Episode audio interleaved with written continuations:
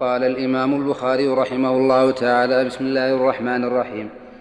كتاب فضل ليلة القدر. باب فضل ليلة القدر. وقال الله تعالى إنا أنزلناه في ليلة القدر. وما أدراك ما ليلة القدر؟ ليلة القدر خير من ألف شهر. تنزل الملائكة والروح فيها بإذن ربهم من كل أمر. سلام هي حتى مطلع الفجر. قال ابن عيينة ما كان في القرآن وما أدراك فقد أعلمه وما قال وما يدريك فإنه لم يعلم. الساعة تكون قريبة نعم.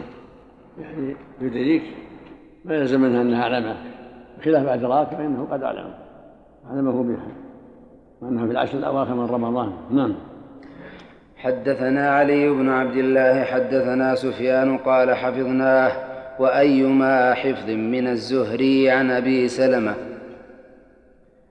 حدثنا علي بن عبد الله حدثنا سفيان قال حفظناه وأيما أو أيما. حدثنا علي بن عبد الله حدثنا سفيان قال حفظناه وأيما حفظ من الزهري. سم الله حفظ جيد. نعم وأيما. ذكر الوجهين في الشرح الله. ذكر الأمرين. قال حفظناه. قال حفظناه وأيما, وأيما حفظ من الزهري. عن أبي سلمة عن أبي هريرة رضي الله عنه عن النبي صلى الله عليه وسلم. بعض الروايات عنه قال استيقظ استيقظ الزهري حدثني. نظارا لست احصيه أعيده يبديه عن يقع ابن رحمه الله. تأكيدات في بعض نعم. نعم. رد على ما قد يتوهم أنه ما حفظه. نعم. نعم. حدثنا حدثنا حدثنا علي بن عبد الله حدثنا سفيان قال حفظناه وأيما حفظ من الزهري. عن أبي سلمة عن أبي هريرة رضي الله عنه عن النبي صلى الله عليه وسلم قال من صام رمضان إيمانا واحتسابا غفر له غفر له ما تقدم من ذنبه ومن قام ليلة القدر إيمانا واحتسابا غفر له ما تقدم من ذنبه. تابعه سليمان بن كثير عن الزهري. شرح العقل. قوله حفظناه من الزهري أيما حفظ برفع أي وما زائدة وهو مبتدأ وخبره محذوف تقديره حفظ. ومن الزهري أو تقديره حفظ؟ قوله حفظناه من الزهري أيما حفظ برفع أي وما زائدة وهو مبتدأ وخبره محذوف تقديره حفظ.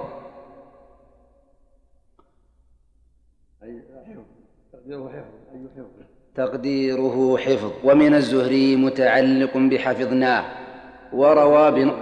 نعم. نعم. وروي بنصب أيما على أنه مفعول. نصب نعم حفظناه حفظا جيدا يعني. حفظناه مصدر. أيما حفظ أيما حفظ. قابلته أي أيما مقابلة. كلمته أيما مكالمة يعني كلاما جيدا كلاما مضبوطا. نعم. رد على من قد يتوهم إنه ما ضبط الحديث. نعم. نعم. باب التماس ليلة القدر في السبع الأواخر. حدثنا عبد الله بن يوسف أخبرنا مالك عن نافع عن ابن عمر رضي الله عنهما أن رجال أن رجالا من أصحاب النبي صلى الله عليه وسلم أروا ليلة القدر في المنام في السبع الأواخر. فقال رسول الله صلى الله عليه وسلم أرى رؤياكم قد تواطأت في السبع الأواخر. فمن كان متحريها فليتحرها في السبع الأواخر. فمن كان فمن كان متحريها فليتحراها في السبع الأواخر. ف...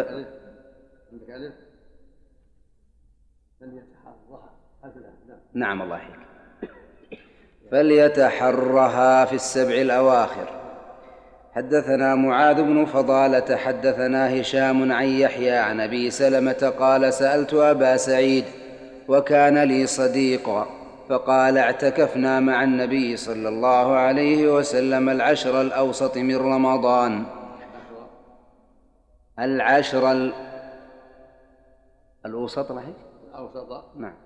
العشر الأوسط من رمضان فخرج فخرج صبيحة عشرين فخطبنا. وقال إني أريت ليلة القدر ثم أنسيتها أو نسيتها فالتمسوها في العشر الأواخر. ثم أنسيتها أو نسيتها فالتمسوها في العشر الأواخر في الوتر. وإني رأيت أني أسجد في ماء وطين فمن كان اعتكف معي فليرجع. فرجعنا وما نرى في السماء قزعة فجاءت سحابة فمطرت حتى سال سقف المسجد. وكان من جريد النخل وأقيمت الصلاة فرأيت رسول الله صلى الله فرأيت رسول الله صلى الله عليه وسلم. يسجد في الماء والطين حتى رأيت أثر الطين في جبهته. موافقة ليلة القدر هذا في الليل. موافقة ليلة القدر ليلة 21 اللهم صل على وسلم. نعم. لأن الصواب فيها أنها ما هي في ليلة معين دائما دائما لا تتنقل.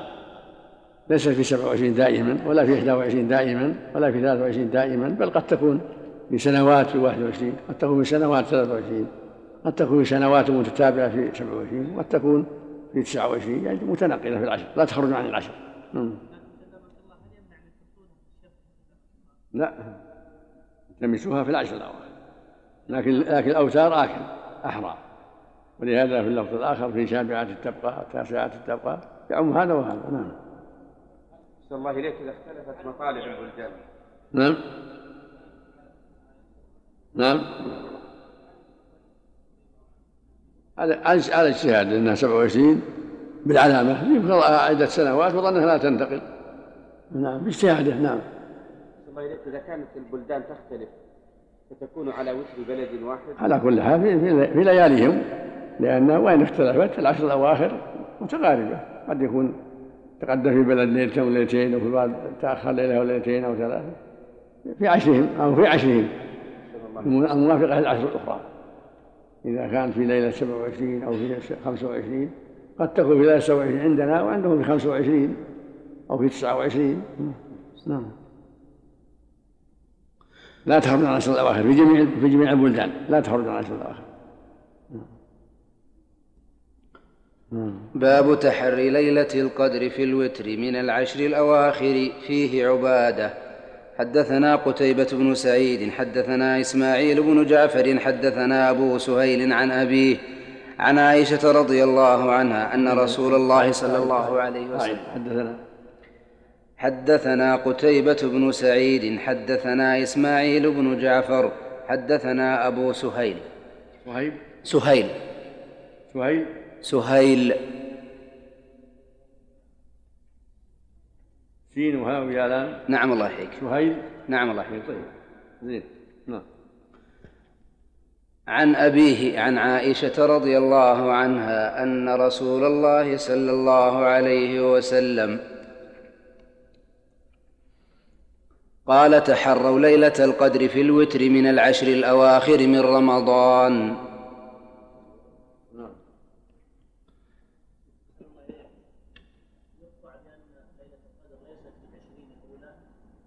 نعم. بكلام النبي صلى الله عليه وسلم. في العشر الأواخر. نعم. ثم أوتيت وأخبرت أنها في العشر الأواخر. نعم. نعم. بارك الله الشرح. في غير الصحيح. نعم. ثم أوتيت فأخبرت. هذه في غير الصحيح. نعم. ثم أوتيت فأخبرت. رواية هذه في غير الصحيح. في غير الصحيحين. أو في الصحيحين. أو في الصحيحين.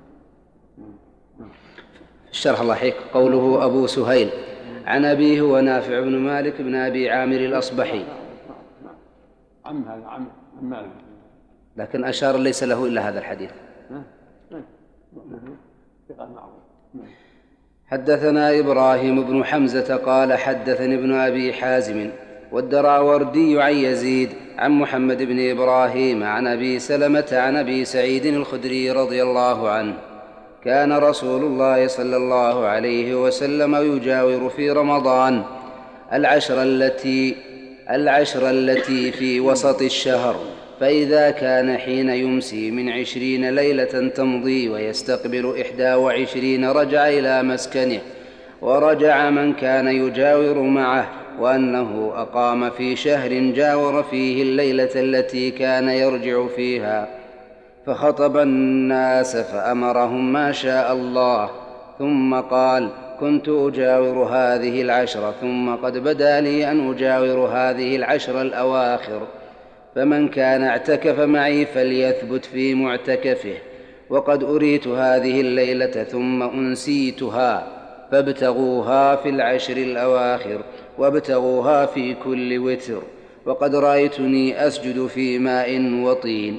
فاستهلت السماء في تلك الليلة فأمطرت فوقف المسجد في مصلى النبي في مصلى النبي صلى الله عليه وسلم ليلة إحدى وعشرين فبصرت عيني رسول الله صلى الله عليه فبصرت عيني رسول الله صلى الله عليه وسلم ونظرت إليه انصرف من الصبح ووجهه ممتلئ طينا وماء. الاستفاد من هذا أن الإنسان إذا أصاب الشيء في الوجه يعني مثل هذا يصبر حتى يفرغ من صلاته ثم يزيله. لأن هذا فيه دلالة أنه صلى الله عليه وسلم صرف إليه قبل أن يزيله. نعم من باب العناية بالسكون فيها والخشوع نعم. مو بالله لا بس وافق وافق تلك علامة. نعم نعم. حدثنا محمد بن المثنى حدثنا يحيى عن هشام قال أخبرني أبي عن عائشة رضي الله عنها عن النبي صلى الله عليه وسلم قال التمسوا. وحدثني محمد أخبرنا عبدة عن هشام بن عروة عن أبيه عن عائشة قالت كان رسول الله صلى الله عليه وسلم يجاور في العشر الأواخر من رمضان ويقول تحروا ليلة القدر في العشر الأواخر من رمضان.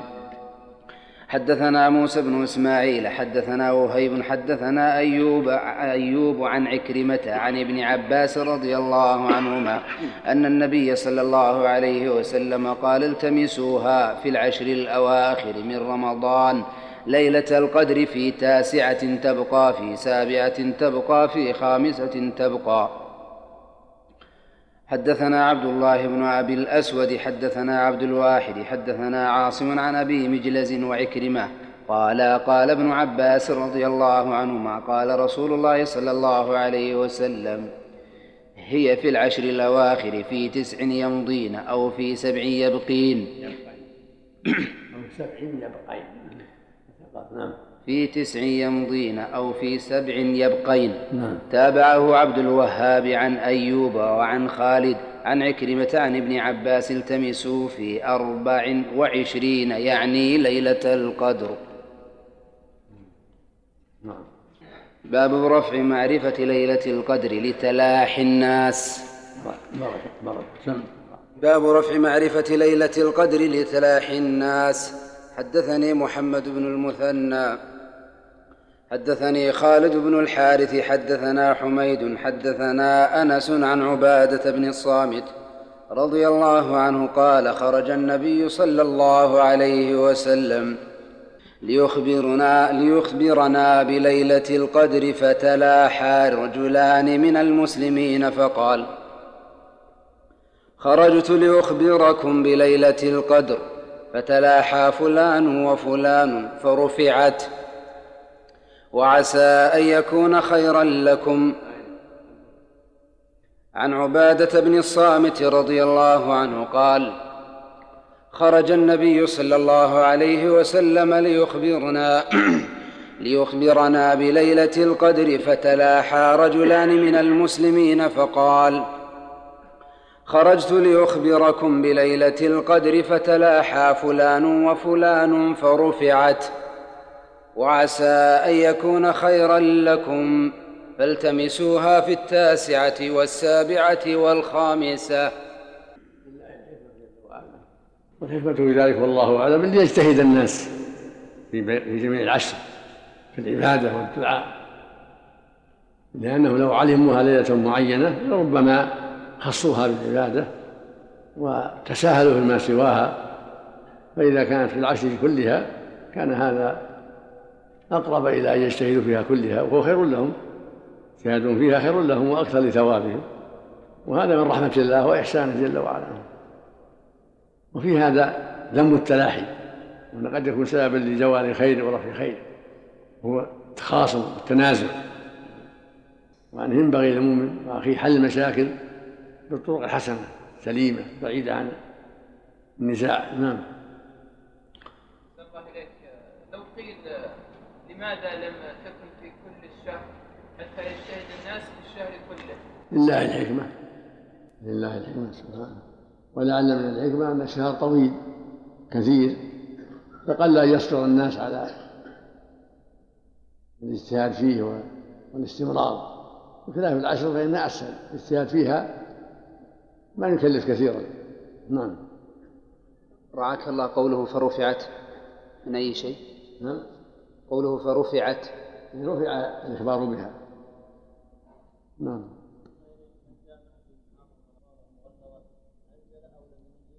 نعم. سواء أنزل أو لم ينزل. إذا جامع عليه كفارة مطلقة أنزل أو لم ينزل؟ نعم. لأن الرسول ما استفصل ما قال أنزلت وما أنزلت. قال وقعت امرأتي في رمضان بين لها. ولم يستفسره. نعم. نعم لا ما فيها كفارة. ولا يخطر بها الصائم. لو قبل أو لمس. إنما الفطر والكفارة بالجماع خاصة. لكن لو أنزل ولم يجامع يقضي فقط. عند جمهور أهل العلم يقضي ولا ولا كفارة عليه. لو قبلها أو ضاجعها وأنزل يقضي فقط. ولا كفارة. نعم. المدي لا ما يعني المدي صومه صحيح. نعم. الصحيح أنه لا لا لا يفطر الصائم المدي نعم. المدي بالذال لأنها يبتلى في الناس كثيرا. ورطوبة تأتي الإنسان عند المباشرة مع اللزج عند يكون على طرف الذكر. يسمى المذي. إذا أصاب الإنسان يغسل ذكره وأنثيه. يغسل ذكره وأنثيه ويتوضأ وضوءه للصلاة. ولا يفطره نعم. النهي عن مس الذكر بيمينه هو عام أو مقيد الحديث وهو يبول. صلى الله عليه وسلم وهو يبول. إذا دعت الحاجة إلى غير البول ما في شيء. نعم.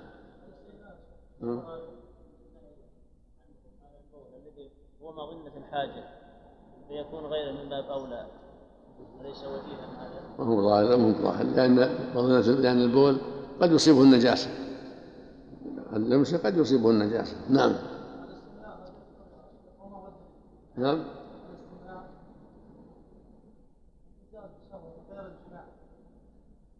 ما يجوز؟ الاستمناء إذا أنزل يفطر لقول لقوله جل وعلا والذين هم لفروجهم حافظون إلا على أزواجهم أو ما ملكت فإنه غير فمن ابتغى وراء ذلك فأولئك هم العادون.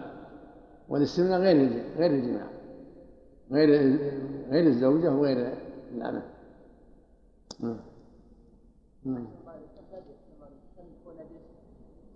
نجس لكن لا, لا يفطر. المذي نجس لكن لا يفطر الصائم.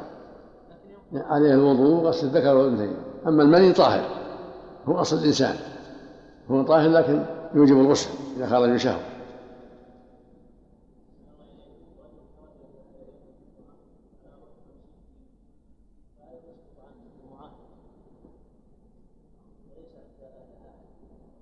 يضع اذا بعد سقط بعض الفقهاء حده بفرسخ كان لا يسمع النداء. ينبغي له لا يحرم نفسه الخير بل يجتهد في حضور الخطبة مع المسلمين. هذا بعيد. نعم. صلي ظهرا نعم. بإجماع المسلمين. النبي أمر بالوضوء. أمر علي بعمد أن يتوضأ. وأن يأتي ذكره أنثيين إذا كان قبل الزوال يجوز لكن ينبغي لك الأولاد ترك ذلك ثم يكون يعتاد هذا يدل على جفاء. لا ما ما يعتاد لكن عرض. إذا عرض عارض ما يضر. ما يضر. ما في شيء. الرسول قال من سمع النداء فلن يأتي؟ نعم. الفرسخ كم مسافته المعروفة؟ نعم. الفرسخ كم المعروفة؟ الفرسخ شاة قريب 18 خطوة 1800 خطوة تقريبا. نعم نعم؟ يجزي في النظر نعم إذا نضح السروال ينضح ما أصابه. وإن غسل فلا بأس لكن إذا أنضح نضح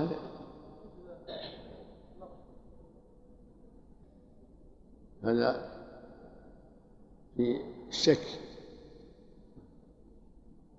واما الذكر لابد يغسل ذكره وانثيه النبي قال يغسل ذكره وانثيه فإذا شك في ما أصاب ثوبه النضح يكفي مثل بول الصبي كذلك الذي لم يكن الطعام. أما الذكر يغسل ذكر وانثيه نعم.